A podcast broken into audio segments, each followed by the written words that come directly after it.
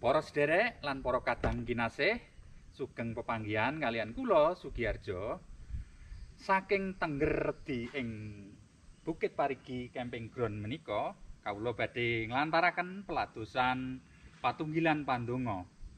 Wontene panyuraos kitab suci sadangunipun 19 minggu mangajeng kangge mahargya dinten Prapaskah, Paskah ngantos Pentakosta badhe nyuraos bab piucalipun Gusti Yesus saking Redi ingkang asring kita tepangi khotbah di bukit.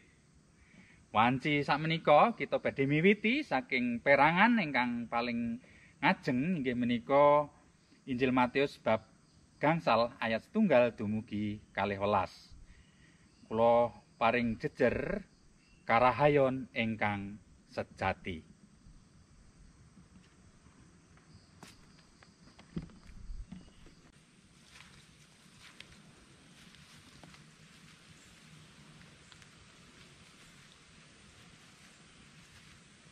Saderengipun kita maos kitab suci lan ngraos-ngraosaken sumangga kita ndedonga nyuwun panuntunipun Gusti.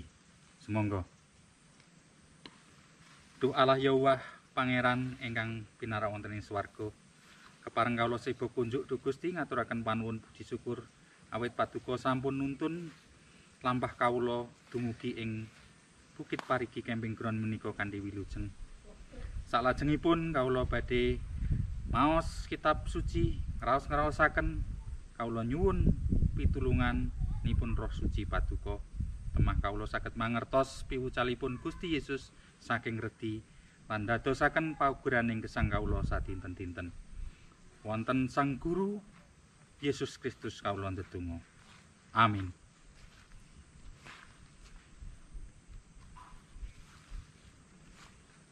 Pausan kitab suci ing wanci menika saking Injil Matius bab gangsal ayat setunggal dumugi kalih welas. Kawula badhe maosaken mekaten ijemanipun. Bareng Gusti Yesus mirsa wong akeh iku banjur minggah ing gunung lan sawise lenggah para sekabate padha ngadhep ing ngarsane. Tumuli Gusti Yesus medhar pangandika, paring piwulang pangandikane. Rahayu wong kang mlarat ing budi, awit iku kang padha nduweni kraton ing swarga. Rahayu wong kang prihatin, awit iku bakal padha kalipur. Rahayu wong kang alus ing budi, awit iku bakal padha tampa warisan bumi. Rahayu wong kang kaluwen lan ngelak marang kasampurnan, awit iku kang bakal padha kewargan. Rahayu wong kang ambek welasan, awit iku bakal padha oleh piwelas. Rahayu wong kang resik atine, awit iku bakal padha semerep marang Allah. Rahayu wong kang demen ngrukunake, awit iku bakal padha kasebut putraning Allah. Rahayu wong kang kaaniaya marga saka kayekten, awit iku kang padha nduweni kratoning swarga.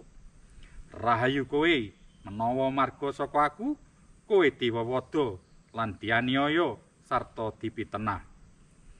Padha bungao lan sukarena sebab gedhe ganjaranmu ana ing swarga. Awit iya kaya mengkono anggone wong-wong padha nganiaya para nabi sadurunge kowe. Mekaten sabdanipun Gusti. Para sederek, piwucalipun Gusti Yesus ing redi ingkang kaserat ing Matius bab gangsal dumugi pitu menika saestu santun sampun kawentar mirunggan tumrap para pandherekipun, para murid-muridipun, inggih para tiang Kristen. Sedaya tiang Kristen kalebet kula lan panjenengan sedaya kedah mangertosi lan kersa nampi piwucal menika. Menawi saged kula gambaraken bilih piwucalipun Gusti Yesus saking redi menika kados dene MKDU mata kuliah dasar umum tumrap para siswa-siswanipun. Kados rikala kita nembe kuliah kala rumiyin. Nggih menika MKDU kedah wajib dipun pendet lan kedah lulus minangka syarat dados sarjana ing samanggenipun ingkang badhe nyandang gelar sarjana. Mekaten ugi tumrap kita minangka siswa-siswanipun Gusti Yesus ingkang nampi gelar putranipun Allah ingkang dados ahli warisipun kratoning swarga. Piwucalipun Gusti Yesus menika kawiwitan saking tembung rahayu. Ingkang basa Yunani pun makarios. Ingkang tegesipun Allah karenan badhe paring kamulyan lan paring berkah. Inggih menika karayon ingkang sayektos. Gusti Yesus saestu nengenaken sanget gesang ingkang karenan dumateng Allah. So perkawis menika dados prioritas ingkang utami ingkang kedah dipun udi lan dipun gayuh dening para pandherekipun, para muridipun. Tetelo kados ingkang kasebat kanthi wong sal wangsul ngantos ambal kaping songo. Rahayu wong kang melarat, rahayu, rahayu, rahayu, ngantos ingkang kaping songo. Rahayu kowe menawa marga saka aku, kowe diwewodo lan dianiaya sarta dipitenah. Para sederek, kenging menapa ketingalipun piwicalipun Gusti Yesus menika cengkah kalian pepenginanipun kadonyan saha kabetaning diri pribadi kita. Gesang ingkang karenang dumateng Allah panci sanes gesang tumuju ing pusering gesang kita piyambak. Ananging tumrap kabetanipun tiang sanes ugi gesang ingkang gadhahi dampak ingkang positif tumrap sesami. Ingkang karenan dumateng Allah inggih menika tiang ingkang ngakeni kekiranganipun lan karingkihanipun wonten ngarsanipun Allah satemah namung gumantung sakwetahipun dumateng sih rahmatipun Allah. Ingkang boten nate nuntut sedaya panyuwunanipun dipun kabulaken. Ingkang boten marem tumrap iming-imingipun jagrat. Justru malah rumaos sedih lan muwun tumrap gumedyaring donya ingkang usananipun badhe sirna lan muspra. Ingkang gadhahi pangandel ingkang baku tan wigih tumrap pawasipun temah saged tumindak lembah mana dumateng tiang sanes. Ingkang ngajengaken kalersan lan remen jejekaken keadilan ing pundi-pundi panggenanipun. Ingkang kebak raos welas asih remen tetulung tumrap ingkang nandhang kasangsaran lan betahaken pitulungan. Lan sedaya menika katindakaken kanthi sukarena para sederek saking pundi to? Jagat menika saged mirsani. Sinten to? Muridipun Gusti Yesus menika? Tentu saking watak solah bawa tandang tantuk tandang tanduk lan ciri wanci ingkang dipun gadai tiang menika. Murid ingkang sejatos inggih menika ingkang masrahaken dirinipun kabentuk dening sang guru. Sanes saking pengaruhipun jagat utawi kadonyan menika pramila menika boten namung gadhahi watak lan tandang tanduk ingkang memper kalian Sang Kristus nanging ugi sacara aktif lan kreatif nyunaraken cahyaning pepadangipun Sang Guru. Ing sak tengahing jagat ingkang kebak pepeteng menika. Satemah tentrem rahayu ingkang sampun kita tampi sumrambah dumateng ing sesami Para sederek, samangke sumangga kita ngaca ngilo.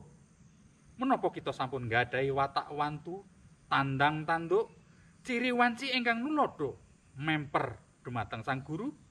Menapa karahayon ingkang sayektos ingkang pinangkanipun saking Gusti saestu sampun makuwon lan mancing wonten ing manah lan badan kita. Amin. Salajengipun sumangga kita ngaturaken pandonga syafaat kawula dherekaken sumangga. Durama kasuwargan ing wanci menika kawula ngaturaken pandonga tumrap pagebluk ingkang sampun kelampan setunggal taun menika sumrambah ing saindenging jagat. Makaten ugi wonten ing wewengkon nagari kawula Indonesia. Kawula nyuwun berkah lan pitulungan paduka Gusti. Mure sedaya pambudidaya sae ingkang dipun udi dening pamarentah dalah instansi-instansi terkait saestu nguwahaken hasil ingkang sae. Anggenipun merantasi bab kesehatan, perekonomian, pendidikan, politik lan sedaya dampak ingkang tuwuh ingkang dadosaken awrating gesang enggal linuaran. Namung amargi karsa paduka kemawon. Ingkang sakit pikantuk kesarasan, ingkang prihatos pikantuk kasantosan, ingkang kasepen pikantuk panglipuran, ingkang semplah lan lungkrah tuwuh ing pangajeng-ajeng, ingkang kacinggrangan pikantuk uluran asta, ingkang katindes pikantuk keadilan. Mekaten ugi kawula nyuwun tumrap peladosan ing gereja-gereja ing pundi-pundi papan. Mekaten ugi ing GKJ Jakarta. Nyuwun panjangkung lan pangayoman paduka. Temah anggenipun leladi mirunggan anggenipun nyawisaken peladosan-peladosan ing mangsa prapaskah, paskah lan pentakosta samangke saged kelampan kanthi prayogi mituhu ing pangreh paduka. Temrah pasamuan paduka saestu ngresepi lan ngraosaken tentrem rahayu ing gesang sadinten-dinten ing satengahing pagebluk pandemi Covid-19 menika. Wonten asmanipun Sang Guru Yesus Kristus lan wonten sih kaulasan paduka kawula ndedonga. Amin.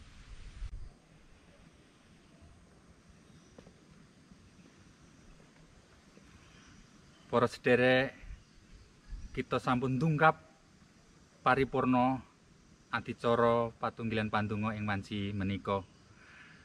Ing wasana kawula ngaturaken sugeng ngaso, sugeng pepanggihan malih ing wekdal-wekdal sak lajengipun.